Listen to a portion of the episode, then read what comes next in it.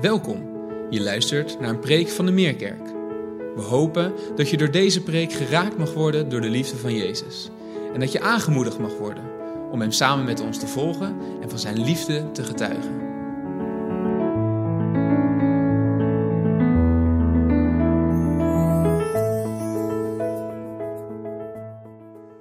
Uiteraard wil ik mijn beste wensen voor het nieuwe jaar toevoegen aan alles wat al gezegd is. Ik vind het ontzettend fijn dat ik vanmorgen zo even bij je mag komen in de huiskamer. Dat we samen de Bijbel mogen openen aan het begin, deze eerste zondag van het nieuwe jaar 2022. Ik wil je ook in het bijzonder verwelkomen in deze bijeenkomst, deze dienst. Uh, als je gekeken hebt naar de kerstdienst.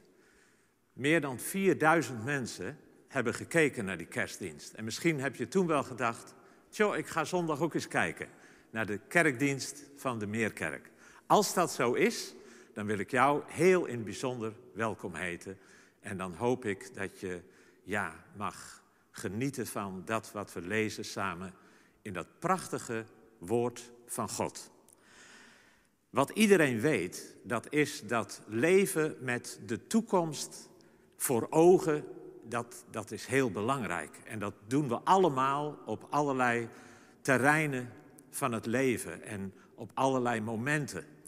En misschien ook wel op dit moment, deze eerste zondag van het nieuwe jaar, dat je al denkt aan dingen die je hopelijk bereiken zult dit komend jaar. Dingen die je mee wilt maken in het komend jaar. Heel vaak leven we met de toekomst voor ogen. In de kerstdienst heeft Patrick verteld, en als je die kerstdienst nog niet bekeken zou hebben, dan zou ik zeggen, moet je zeker doen, dat is de moeite waard. Daar had Patrick het over een man die hij ontmoette, die bij zijn kerstboom, om zijn kerstboom, een treintje, een rails had gebouwd. En dat deed hij elk jaar. En dan liep de hele kerst, liep dat treintje rondjes rond de kerstboom. En toen vertelde hij aan Patrick, hij zegt, ja, dat is het teken van, zeg maar, de zinloosheid van mijn leven. Ieder jaar een rondje. Is weer kerst, volgend jaar weer kerst, volgend jaar weer kerst.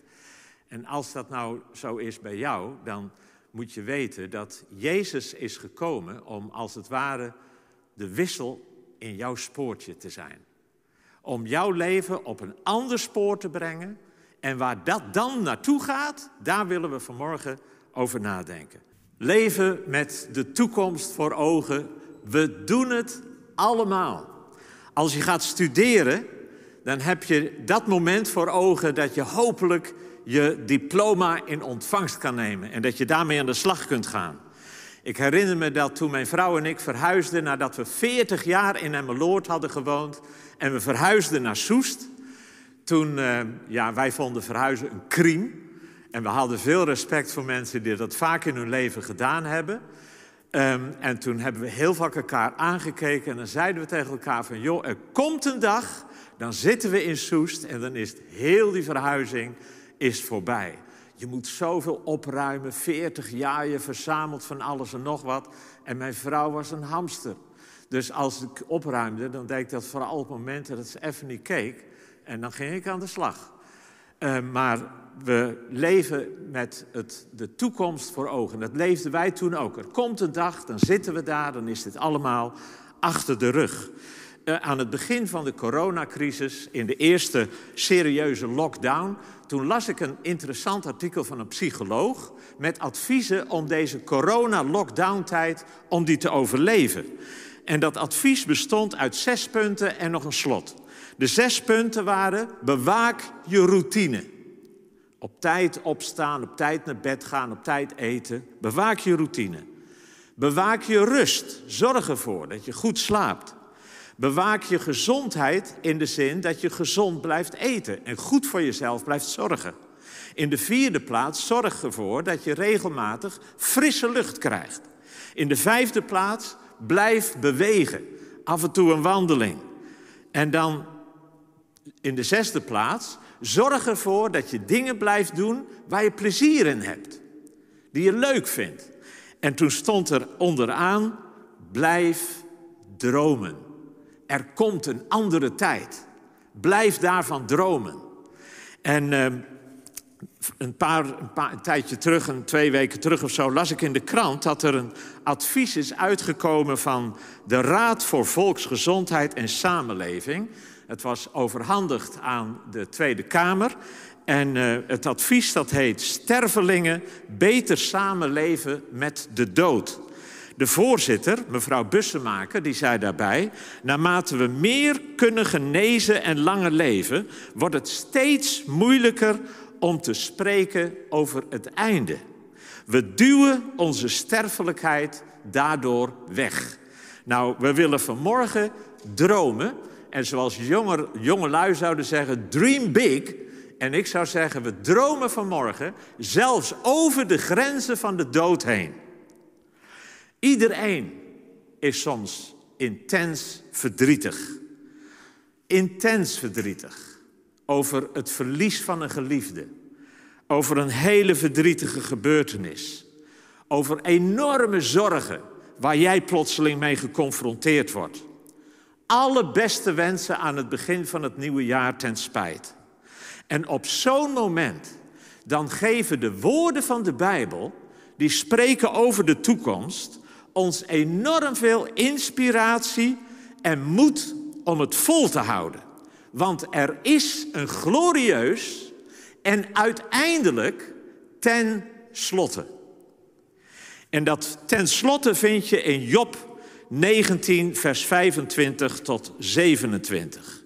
Ik wil het even met je lezen. En voordat ik dat doe, Job werd geconfronteerd met onbeschrijfelijk lijden. Onbeschrijfelijk. Hij was een, een, een grote boer, een man met een grote boerderij. En uh, hij komt in de situatie dat hij alles kwijt is. Zijn boerderij, zijn veestapel, alles weg. Dan hoort hij dat al zijn werknemers of dood zijn of gevangen zijn genomen. Dan krijgt hij te horen dat zijn kinderen, die bij elkaar in een huis waren om een feest te vieren, door een ramp getroffen zijn. Al zijn kinderen zijn dood. En dan, alsof het niet genoeg is, wordt hij zelf getroffen door een verschrikkelijke ziekte. De puisten en de builen breken uit over zijn hele lichaam. En zo zit hij daar. En dan, alsof het nog niet genoeg is, komt zijn vrouw naar hem toe. En die zegt: Job, hoe lang blijf je nog aan die godsdienst vasthouden? Zeg God vaarwel en sterf. En dan komen zijn vrienden. En zijn vrienden die spreken op een manier alsof het zijn eigen schuld is dat hem dit allemaal overkomt. En dan schrijft Job in hoofdstuk 19, vers 25. Ik weet, mijn redder leeft. En hij zal tenslotte hier op aarde ingrijpen. Hoezeer mijn huid ook is geschonden, toch zal ik in dit lichaam God aanschouwen. Ik zal hem aanschouwen. Ik zal hem met eigen ogen zien. Ik, geen ander.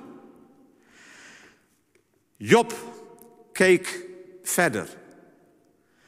Hij zegt, in al zijn lijden, ik weet, mijn redder leeft.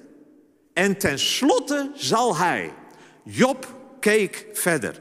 Als hij zegt, ik weet, mijn redder leeft, dan is dat woord weet een vertaling van een Hebreeuws woord, wat je ook kan vertalen met ik erken. Dus in al zijn lijden zegt Job, ik erken mijn verlosser leeft. Je kunt het ook vertalen met bewustzijn van. Dus Job zegt met andere woorden, in al zijn lijden en verdriet en pijn, ik ben me bewust van het feit dat mijn verlosser leeft. Je kunt het ook vertalen met rekening houden met.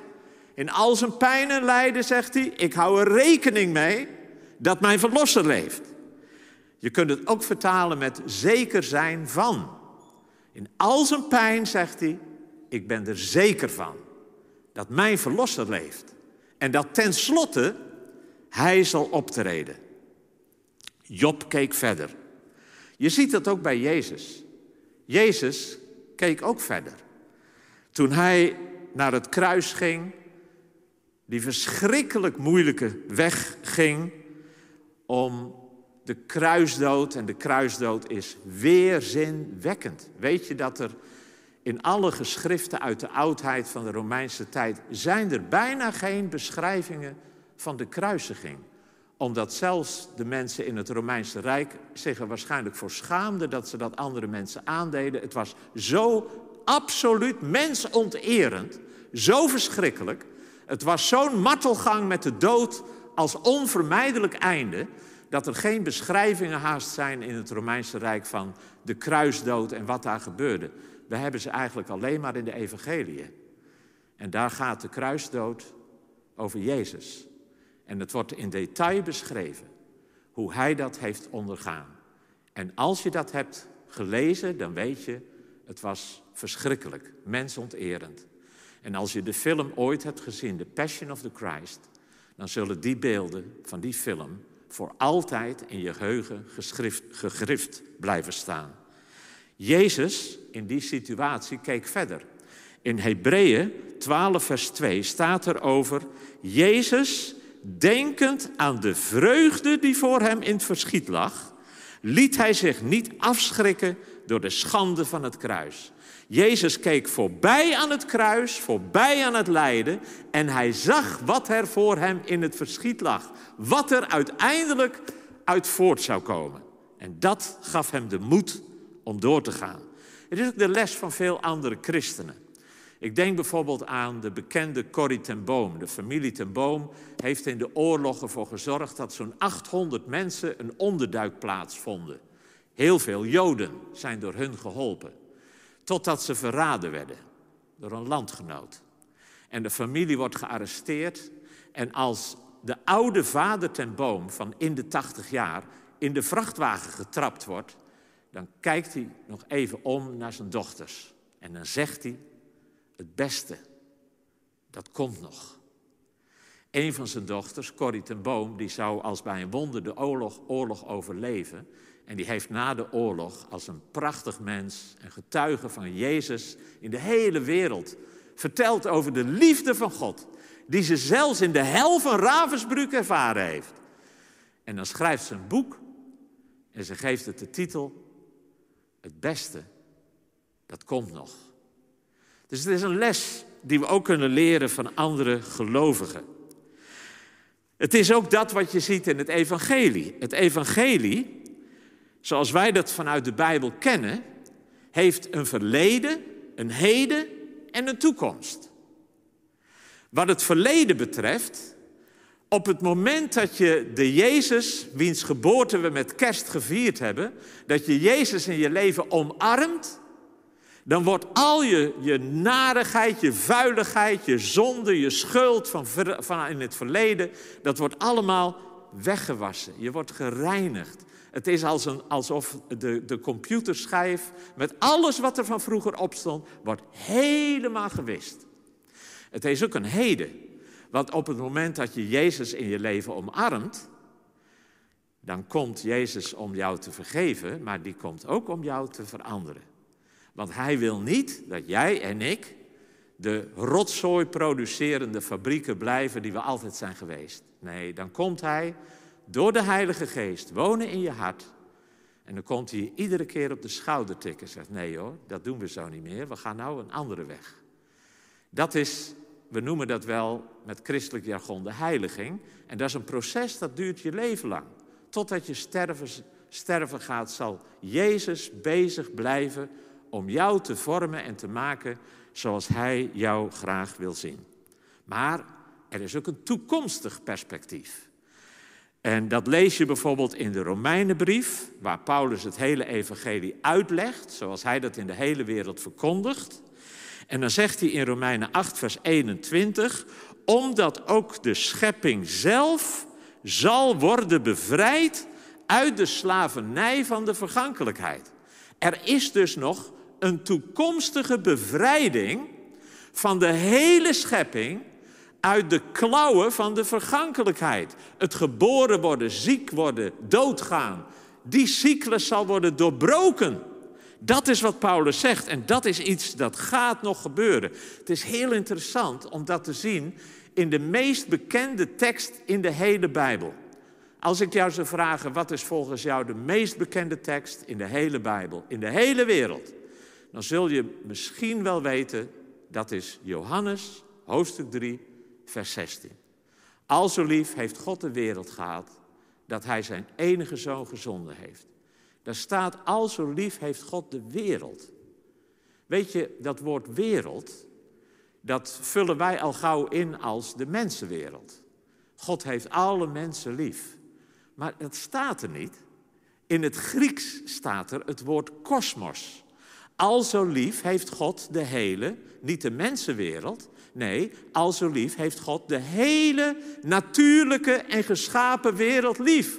Want het is allemaal het werk van zijn handen.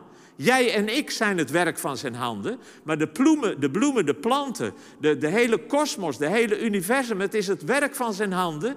Hij heeft het gemaakt, hij zag dat het mooi en goed was, hij houdt van zijn werk. En de bevrijding van heel zijn werk, dat moet en dat zal nog gebeuren. En dat is de toekomst de toekomstperspectief wat we hebben. Omdat de hele schepping zal worden bevrijd uit de slavernij van de vergankelijkheid. We hebben heel veel om naar uit te zien. We zijn verlost, maar we worden ook nog verlost. Petrus schrijft dat in de tweede Petrusbrief, de apostel Petrus, die met Jezus heeft geleefd, die van Jezus heeft geleerd, die schrijft, u ziet de redding tegemoet die aan het einde van de tijd geopenbaard zal worden. Hij schrijft dat aan christenen. Maar die zijn toch al gered? Ja, die zijn al gered. Maar er komt nog een andere redding en dat is de verlossing van de hele schepping. Jezus sprak erover in Matthäus 19, vers 28, toen hij zei, wanneer de tijd aanbreekt dat alles vernieuwd wordt. Wanneer de mensenzoon in zijn majesteit zal zetelen op zijn troon. Jezus spreekt er dus over.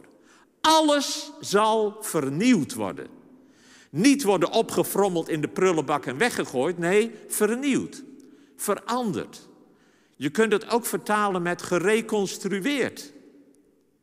Petrus in Handelingen, in een toespraak, zegt dat de tijd aanbreekt waarin alles zal worden hersteld.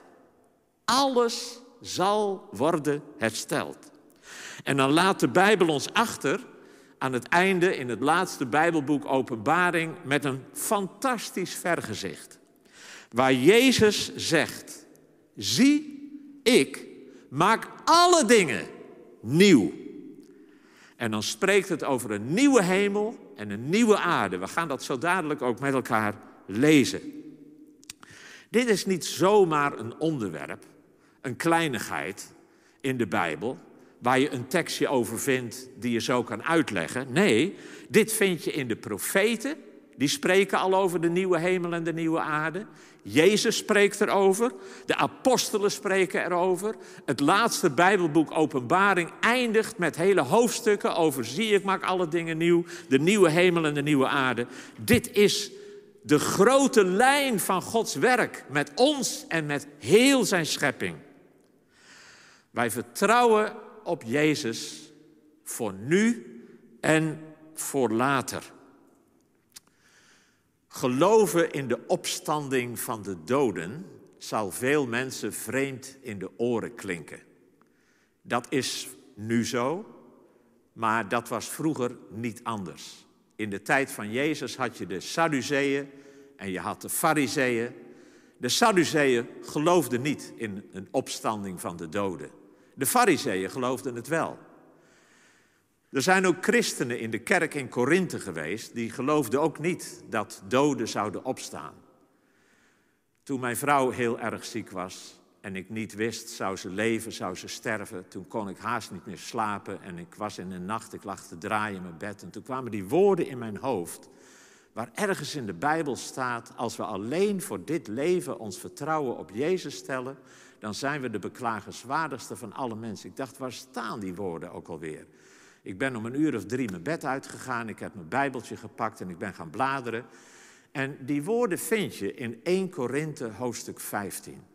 Een magistraal hoofdstuk over de opstanding van de doden. En over de opstanding van Jezus als eersteling die als eersteling uit de dood is opgestaan om tot in eeuwigheid te leven. En dan staat daar inderdaad in 1 Korinthe 15, vers 19: Als wij alleen voor dit leven op Christus hopen, dan zijn wij de beklagenswaardigste mensen die er zijn.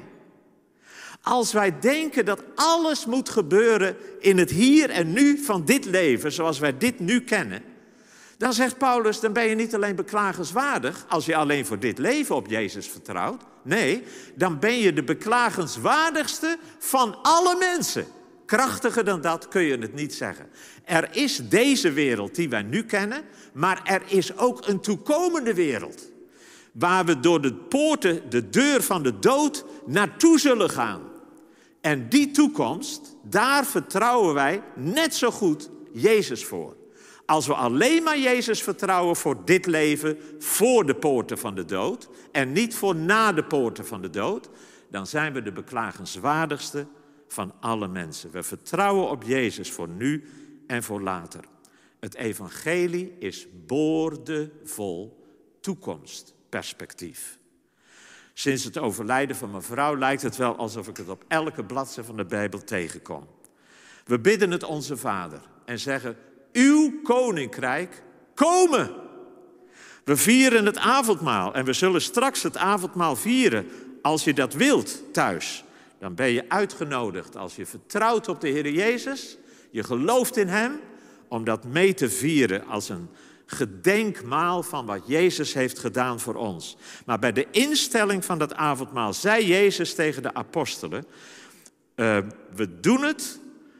Ik zal niet meer van de vrucht van de wijnstok wijn. Ik zal daar niet meer van drinken met jullie. Tot op de dag wanneer ik die nieuw zal drinken in het koninkrijk van mijn vader. Toekomst, perspectief. Paulus schrijft in de Filippenzenbrief: Hij zal ons vernederd lichaam veranderen, zodat het gelijkvormig zal worden aan zijn verheerlijkte lichaam. Met andere woorden, dat opstandingslichaam van Jezus laat zien hoe jij en ik, als we Jezus vertrouwen, later zullen zijn. In 1 Timotheus 4, vers 8 schrijft Paulus over dit leven en het leven dat komen zal. De apostel Johannes die schrijft, als hij geopenbaard zal worden, zullen wij hem gelijk zijn. En dan Petrus, die zegt, wij leven in hoop. Wij vertrouwen op Gods belofte en we zien uit naar een nieuwe hemel en een nieuwe aarde. De Bijbel eindigt met een heerlijk vergezicht. En ik wil dat graag nog even lezen. Ik heb dat de afgelopen paar jaar ontzettend vaak gelezen. Jezus wil de wissel zijn in jouw spoorlijntje. Zodat je niet doelloos rond blijft draaien, maar dat je een andere weg gaat met een ongelofelijke toekomst. En die toekomst die staat in Openbaringen 21. Ik zag een nieuwe hemel en een nieuwe aarde. Want de eerste hemel en de eerste aarde zijn voorbij en de zee is er niet meer. En toen zag ik de heilige stad, het nieuwe Jeruzalem, uit de hemel neerdalen. En dat nieuwe Jeruzalem, dat is de gemeente van Christus, blijkt later uit de context. Ze was als een bruid die zich mooi heeft gemaakt voor haar man en hem opwacht.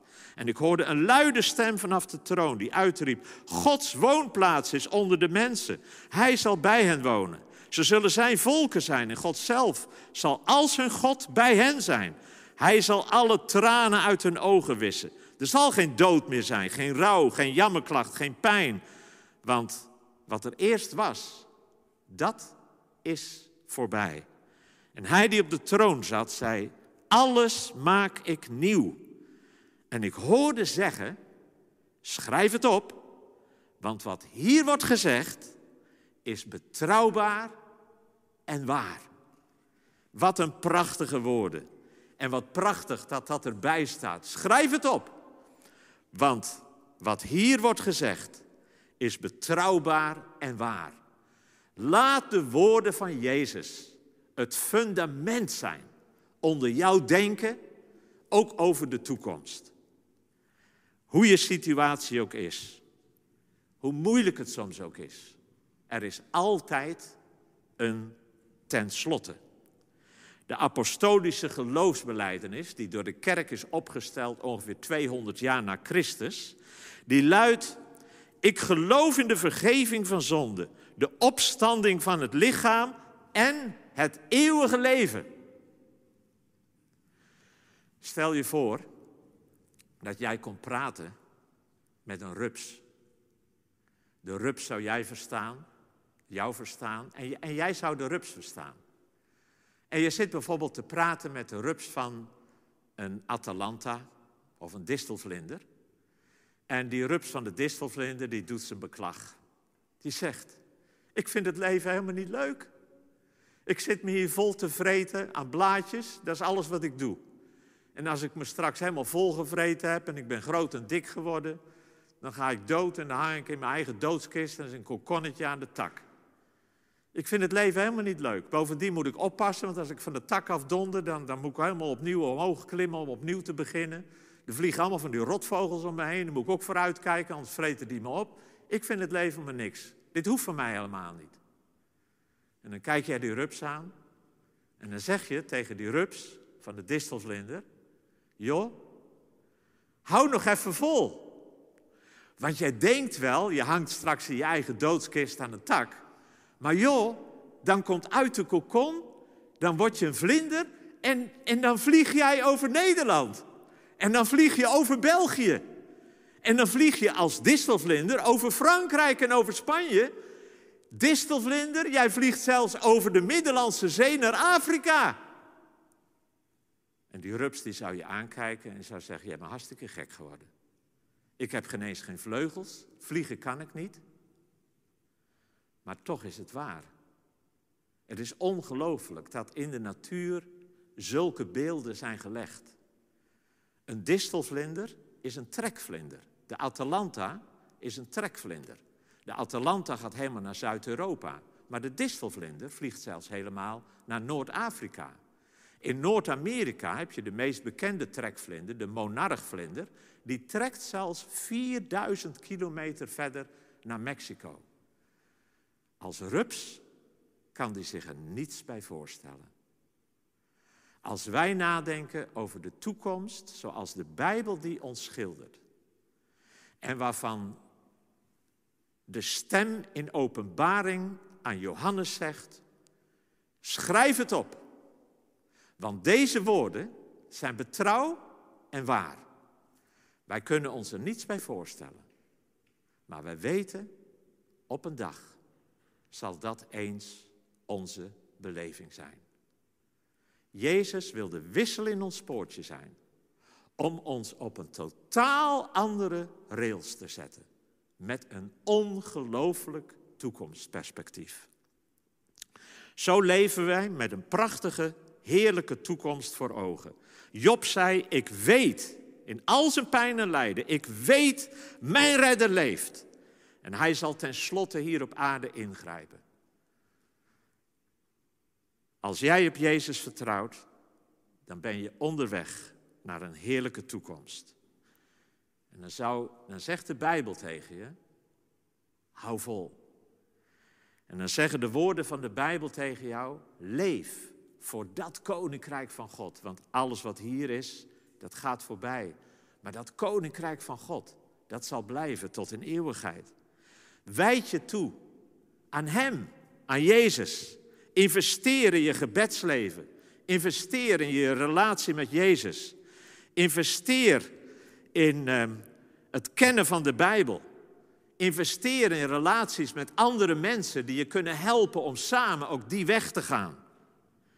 Er is een glorieus uiteindelijk tenslotte. En dat tenslotte is volledig in handen die zielsveel van jou en van mij houdt. Zullen we samen nog danken voor deze woorden en ook bidden voor onszelf en voor elkaar. Heren, aan het einde, als we dit zo gelezen hebben en op ons hebben laten inwerken, dan danken we u ervoor dat in zoveel Bijbelboeken er zoveel staat over de geweldige toekomst die u voor ons in petto hebt. En dat u ons de zekerheid geeft, dit is betrouwbaar en waar. We kunnen ervan op aan. En zo dadelijk, Heer, dan zullen we dat prachtige lied gaan zingen. Eenmaal maakt u alles weer nieuw, Jezus. Eenmaal heelt u iedere wond. Heel de oude wereld verdwijnt, de pijn voorbij. Wat een dag, wat een vreugde zal dat zijn. En zo gaan we, zijn we dit nieuwe jaar ingegaan, Heer. Met een geweldig perspectief op onze toekomst. Heel bijzonder bidden we opnieuw, Heer, voor iedereen die dit beluisterd heeft, die dit bekeken heeft, die misschien zelf door een hele moeilijke tijd heen gaat. Vanwege zware tegenslag of ernstige ziekte of ondraaglijke pijn of het gemis van een geliefde. Neemt u deze woorden van uzelf, Heer, die u ons hebt gegeven, bind ze op ons hart. Of we nu jong zijn of oud zijn, maar doe het besef van uw toekomst voor ons leven meer dan het ooit gedaan heeft. En help ons zo dit nieuwe jaar om grote dromen, ja zelfs te dromen over de grenzen van de dood heen.